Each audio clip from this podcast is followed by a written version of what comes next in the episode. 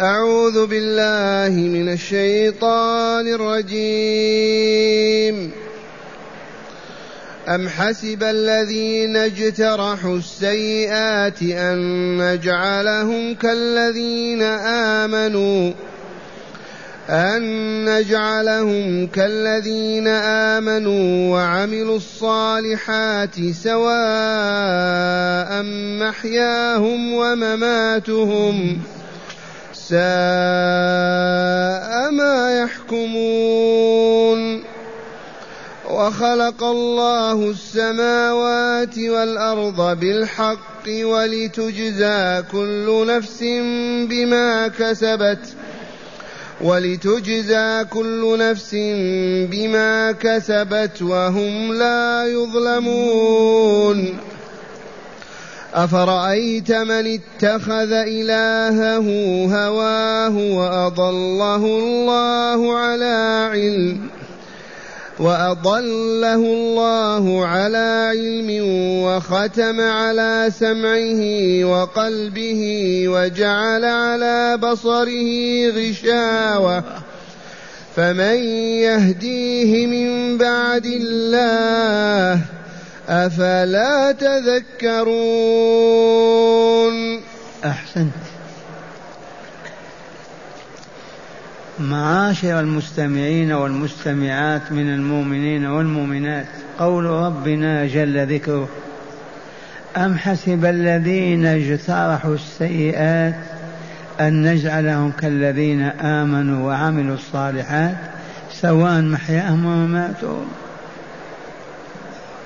هذا الحسبان باطل. باطل.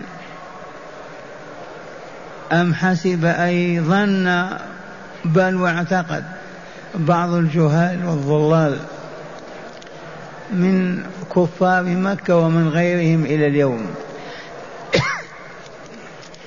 أن أم حسب الذين اجترحوا السيئات؟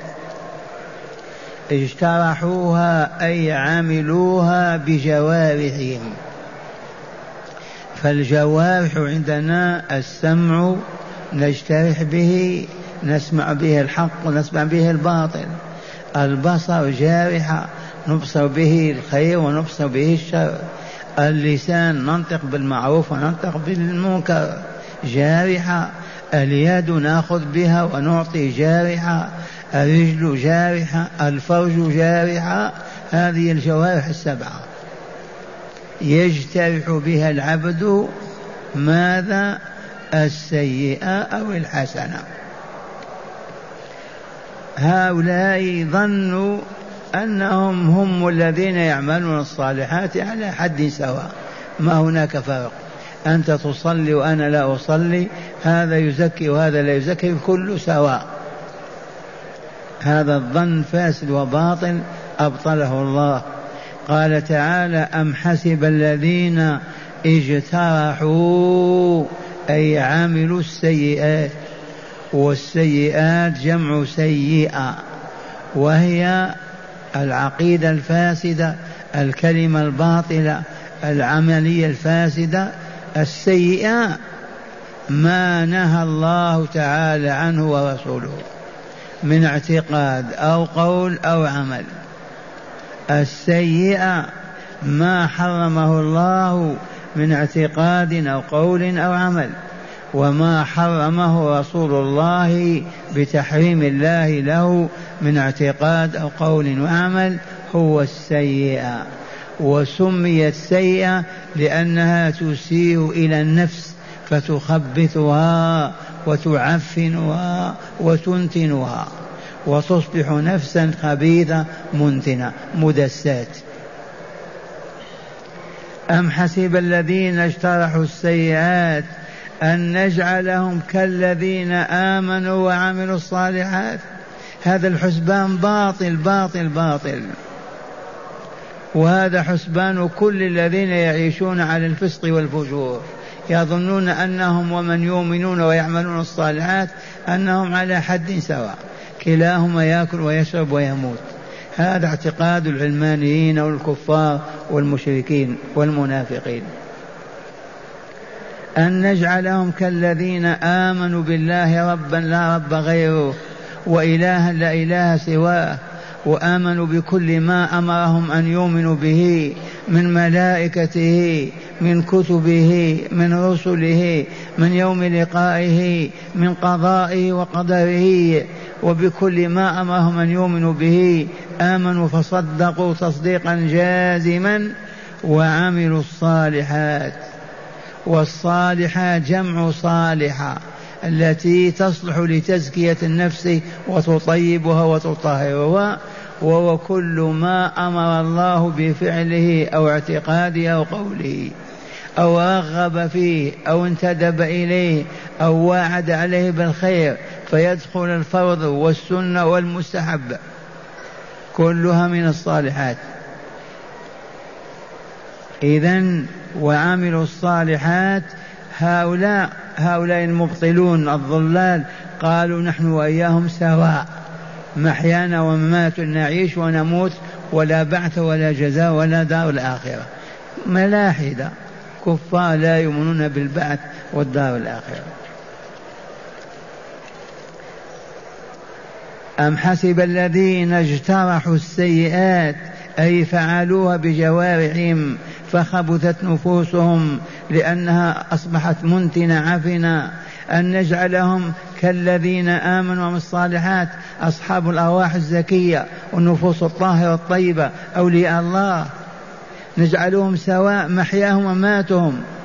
يعيشون ويموتون وبعد ذلك لا حساب ولا عقاب ولا جزاء على العمل الصالح ولا على الكفر والفسق. هذا الحسبان باطل منشأ الجهل والكفر والعياذ بالله تعالى. هذا الحكم قال تعالى قبح هذا الحكم ساء ما يحكمون يحكمون بالباطل. عبد مؤمن صالح عاش على عبادة الله يسوى بعبد مشرك كافر فاسق ظالم طول حياته إذا مات. كلاهما تنتهي حياة فقط. بل هذا يدخل جهنم وهذا يدخل الجنة. دار نعيم مقيم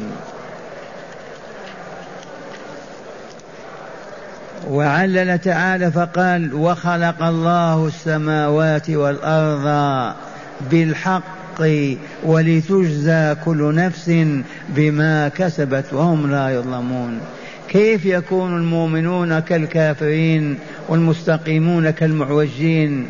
هكذا لما إذا خلق الله السماوات والأرض؟ لما خلق هذه العوالم؟ لما خلق الجنة؟ لما خلق النار؟ أليس من أجل أن يسعد من أهل من هم أهل للسعادة ويشقي من منهم أهل للشقاوة؟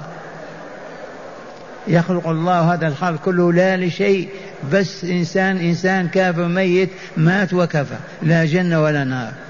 هذا اعتقاد العلمانيين والشيوعيين والكفار والعياذ بالله. كيف يعبث الله هذا عبث يعني؟ يخلق السماوات والأرض وما بينهما والإنس والجن والجنة والنار والعالم كلها لا لشيء والناس يعيشون ويموتون بلا حياة ولا جزاء. هذا ينسب إلى الله تعالى الله عن هذا علوا كبيرا. حاشا لله. لكن هي نظرته الشهوات والأطماع الدنيوية وهكذا. ما يبالون بترك الصلاة ولا بمنع الزكاة ولا بأكل رمضان ولا باعتقاد أنهم يحيون مع المؤمنين ويموتون مثلهم. هذا اعتقاد فاسد باطل أبطله الله. أم حسب الذين اجترحوا السيئات أن نجعلهم كالذين آمنوا وعملوا الصالحات سواء محياهم ومماتهم. والله ما كان. ساء قبح ما يحكمون به. هذا حكم باطل فاسد. وخلق الله السماوات والأرض. بالحق ما خلق على الباطل. كيف يخلق هذه السماوات بما فيه للإنسان ليكمل ويسعد وبعد ذلك لا يطلب منه عبادة ولا يسعده ولا يشقيه. كيف يعمل هذا؟ لو تجد عمارة مبنية كذا تقول هذه بناها يعبث بها لا لشيء. أعوذ بالله. والقضية قضية حب الدنيا وحب الشهوات والأطماع فيها. هذه الأهواء تمنع العبد أن يفكر وأن يعبد الله. لذا قال تعالى ولتجزى كل نفس بما كسبت وهم لا يظلمون. أهل الإيمان وصالح الأعمال والله لفي الجنة دار السلام. وأهل الشرك والكفر والفسق والفجور والله لفي النار دار البوار. العدل الإلهي حاشا لله أن يظلم أحدا. ما يظلم أحدا من عباده. ولتجزى كل نفس من أنفس من الإنس والجن بما كسبته بيديها أو بجوارحها بما اجترحته بجوارحها بما كسبته وهم لا يظلمون لأن الله عدل وهو الآمر بالعدل فحاشاه أن يدخل فاجرا الجنة وأن يخرج من الجنة مؤمنا صالحا يدخله النار. حاشا وكلا. ثم قال تعالى يخاطب رسوله صلى الله عليه وسلم أفرأيت يا رسولنا أفرأيت من اتخذ إلهه هواه يوجد ناس في مكة هكذا. يعبد حجر ما تناسبه يرميه ويأتي بحجر ثاني يعبد كذا ما يتناسب يرميه ويقول بكذا وكذا. أفرأيت أي أخبرني بمن اتخذ إلهه هواه جعل معبوده الذي يعبده ما تميل إليه نفسه وترغب فيه حتى الفرج. عبدوا الفروج والله عبدوا الفروج. عبدوا الأصنام والأحجار والشهوات. بسبب ماذا؟ لأنهم يتبعون أهواءهم هي التي تقودهم إلى عبادة الباطل. وإلى المشي في أزقة الشر والفساد والخبث أفرأيت من اتخذ إله هواه وأضله الله على علم؟ الله أضله على علم لأنه علم لما أراد أن يخلق الخلق كما علمتم نظر إلى الإنسان وعرف هل هو من أهل الطاعة والعبادة أو من أهل المعصية والكفر. ومن ثم كتب كتاب المقادير. فهذا علم الله أنه لا يمكن أن يستقيم أو يعبد الله بحال من الأحوال لا يعبد إلا هواه فكتب ذلك عليه فأضله الله على علم بأنه سيفجر ويفسق ويفجر ويخرج عن الطاعة والعبادة. وختم على سمعه. فهم لا يسمعون الحق أبدا ولا يستمعون. الرسول يقرأ القرآن ويصلح الكعبة يغلق آذانهم ولا يسمعون. موجودون في كل مكان وزمان. ختم الله على سمعه ما يسمع الحق والمعروف والخير. يسمع الباطل والشر. يسمع الأغاني ما يسمع القرآن وما يتلى من كتاب الله. ختم على سمعه وعلى, وعلى قلبه أيضا. القلب ما يعقل أبدا ولا يفكر ولا يهتدي إلى شيء. مختوم على القلب. وعلى بصره ما يشاهد الرشاد أبدا ولا الهداية في الطريق بحال من الأحوال. وعلى بصر وعلى بصر غشاوة هذا يقول تعالى فمن يهديه من بعد الله في أحد يستطيع لا رسول الله ولا أبو بكر ولا بلال ولا فلان. ما يهتدى أبدا. فمن يهديه من بعد الله اللهم لا أحد. والله قد شاء ضلال إضلاله وضلاله. لعلمه بما أنه يستحب بل يرغب بل يحب الباطل والشر والفساد. وهنا معاشر المستمعين الهوى والعياذ بالله تعالى. هو ميل النفس إلى الشيء. إذا مالت نفسك إلى شيء ما تستجيب لها. ما تقبل ذلك. أنت اقبل الحق والمعروف. أما أن تستجيب لما تهوى إليه نفسك وتميل إليه فهذا هو عبادة الهوى. ومن هنا يقول الحبيب صلى الله عليه وسلم ثلاث مهلكات وثلاث منجيات. ثلاث أشياء أو خصال مهلكة وثلاثة منجية. ممكن نحفظ هذه الستة وإلا لا؟ نكرر لكم القول. ثلاث مهلكات حتى نبتعد عنها بعدا كاملا ولا نرضاها لأنفسنا ولا ساعة من يومنا أو ليلتنا. وثلاث منجيات نعمل بجد واجتهاد على أن نعملها ونتصف بها. فما هي المهلكات؟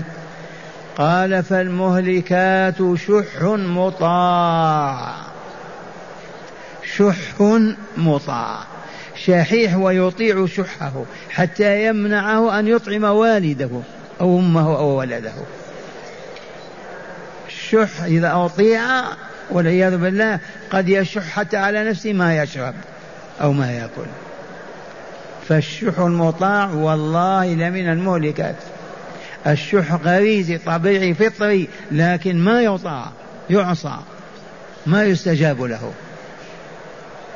شح مطاع وهوى متبعا وهوى متبعا فالهوى من اتبعه أهلكه ميل نفسي إلى الباطل إلى الشر إلى الخبث إلى كذا فإن استجبت واتبعته هلكته وإن, استجب وإن ابتعدت عنه ورفضته وكلما ظهر تركته نجوت. شح مطاع وهوى متبع وإعجاب المرء بنفسه مهلكة هذه. إعجاب الإنسان بنفسه. يحمل ذلك على الكبر والتكبر. يحمل الكبر والتكبر على عدم الاعتراف بالحق ولا بفعله ولا الاستجابة لأهله. إعجاب المرء بنفسه. الذي يعجب بنفسه يتعالى ينتفخ ينتفخ يتكبر ما يعترف بالحق ما يعطي كذا والعياذ بالله تعالى. ثلاث مهلكات. شح مطاع. هوى متبع. وإعجاب المرء بنفسه. أعيدوها. ثلاث مهلكات. شح مطاع. هوى متبع. إعجاب المرء بنفسه. ثلاث مهلكات. اللهم أبعدنا عنها وأبعدها عنا حتى نلقاك يا رب العالمين. ما هذه المهلكات الثلاث؟ شح مطاع والعياذ بالله. يجب أن نعصي شحنا ولا نستجيب له حتى ما نمنع الخير والمعروف عن أنفسنا وغيرنا. هوى متبع والعياذ بالله. الذي يتبع هواه يشرب الخمر ويزني ويفجر ويعمل المعاصي بل ويقتل ويظلم. لأنه ما اتبع الله وما جاء به بل اتبع الحق بل اتبع الباطل والهوى. ثالثا إعجاب المرء بنفسه. الحمد لله ما نعجب بأنفسنا. ما هي الثلاثة المنجيات؟ قال والمنجيات. والمنجيات خشية المرء خشية ربه في السر والعلانية. خشية المرء ربه في السر والعلانية. خشية المرء ربه في السر والعلانية سواء كان بين الناس أو كان في الخفاء دائما يخشى الله عز وجل فلا يخرج عن طاعته ولا يعصيه أبدا. الثانية القصد في الغنى والفقر أي الاعتدال في حال الغنى وفي حال الفقر. الثالثة العدل العدل في الرضا والغضب. العدل في الرضا والغضب. مرة ثانية المنجيات ما هي؟ المنجيات خشية المرء خشية الله في السر والعلانية. خشية الله في السر والعلانية. والقصد في الفقر في الغنى والفقر والعدالة في الرضا والعدل في الرضا والغضب. مرة ثانية ما هي المسعد المنجيات؟ خشية خشية الله في السر والعلانية. يخاف الله سواء كان مع الناس أو كان وحده في مكان لا يرى إلا الله. خشية الله في السر والعلانية. الثانية القصد في الغنى والفقر. دائما يقصد ما يشح ولا يبذر ولا يسرف سواء كان غنيا أو فقيرا. إن كان غنيا ما يسرف إن كان فقيرا كذلك من باب أولى. وهو القصد أي الاعتدال في الإنفاق في حال الغنى وفي حال الفقر. الثالثة العدل في الغضب في الرضا والغضب. سواء كان راضيا أو غاضبا لا بد من العدل. ولا يحيف ولا يجر ولا يظلم أبدا لا نفسه ولا غيره. إذا مرة ثانية هذه الثلاث المنجيات ما هي؟ خشية رب خشية الله في السر والعلانية. خشية الله في السر والعلانية. ما معنى خشية الله؟ أي الخوف من الله. سواء كنت مع الناس أو كنت وحدك. في السر والعلانية. الثانية القصد أي الاعتدال في الإنفاق في حال الغنى وفي حال الفقر سواء على أحد سواء. ما تقول أنا الآن غني ما نبالي. المال كثير. لا بد من الاعتدال من القصد. الثالثة الاعتدال في الغضب فالرضا والغضب. سواء كان راضيا أو غاضبا لا بد وأن يعتدل ولا يجور ولا يظلم ولا يأخذ حق أحد من أحد. إذا مع الآية الكريمة أفرأيت من اتخذ إلهه هواه؟ أرأيتم الهوى ماذا يفعل؟ وأضله الله على علم وختم على سمعه وقلبه وجعل على بصره غشاوة فمن يهديه بعد الله؟ اللهم لا أعد. أفلا تذكرون؟ أفلا تتعظون؟ اتعظنا يا ربنا. اتعظنا يا ربنا ولك الحمد ولك المنة. والآن مع هداية الآيات.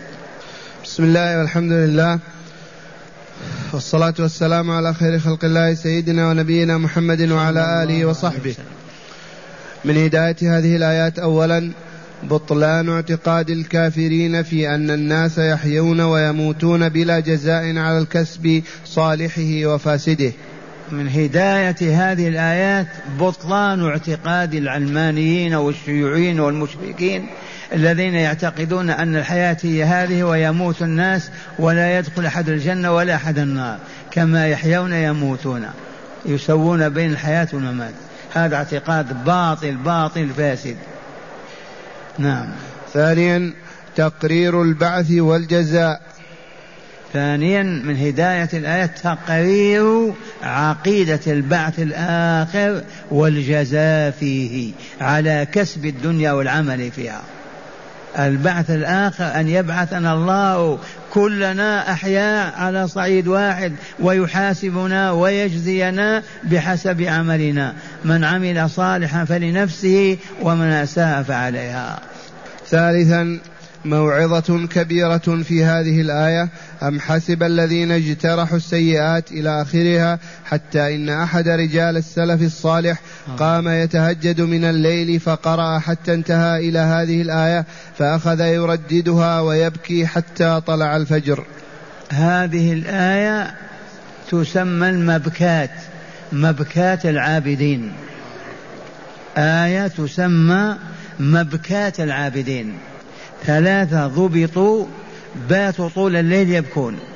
لما يقرأ هذه الصورة يصل إلى هذه الآية وهو يتهجد لا يزال يبكي ويكررها يبكي حتى يطلع الفجر.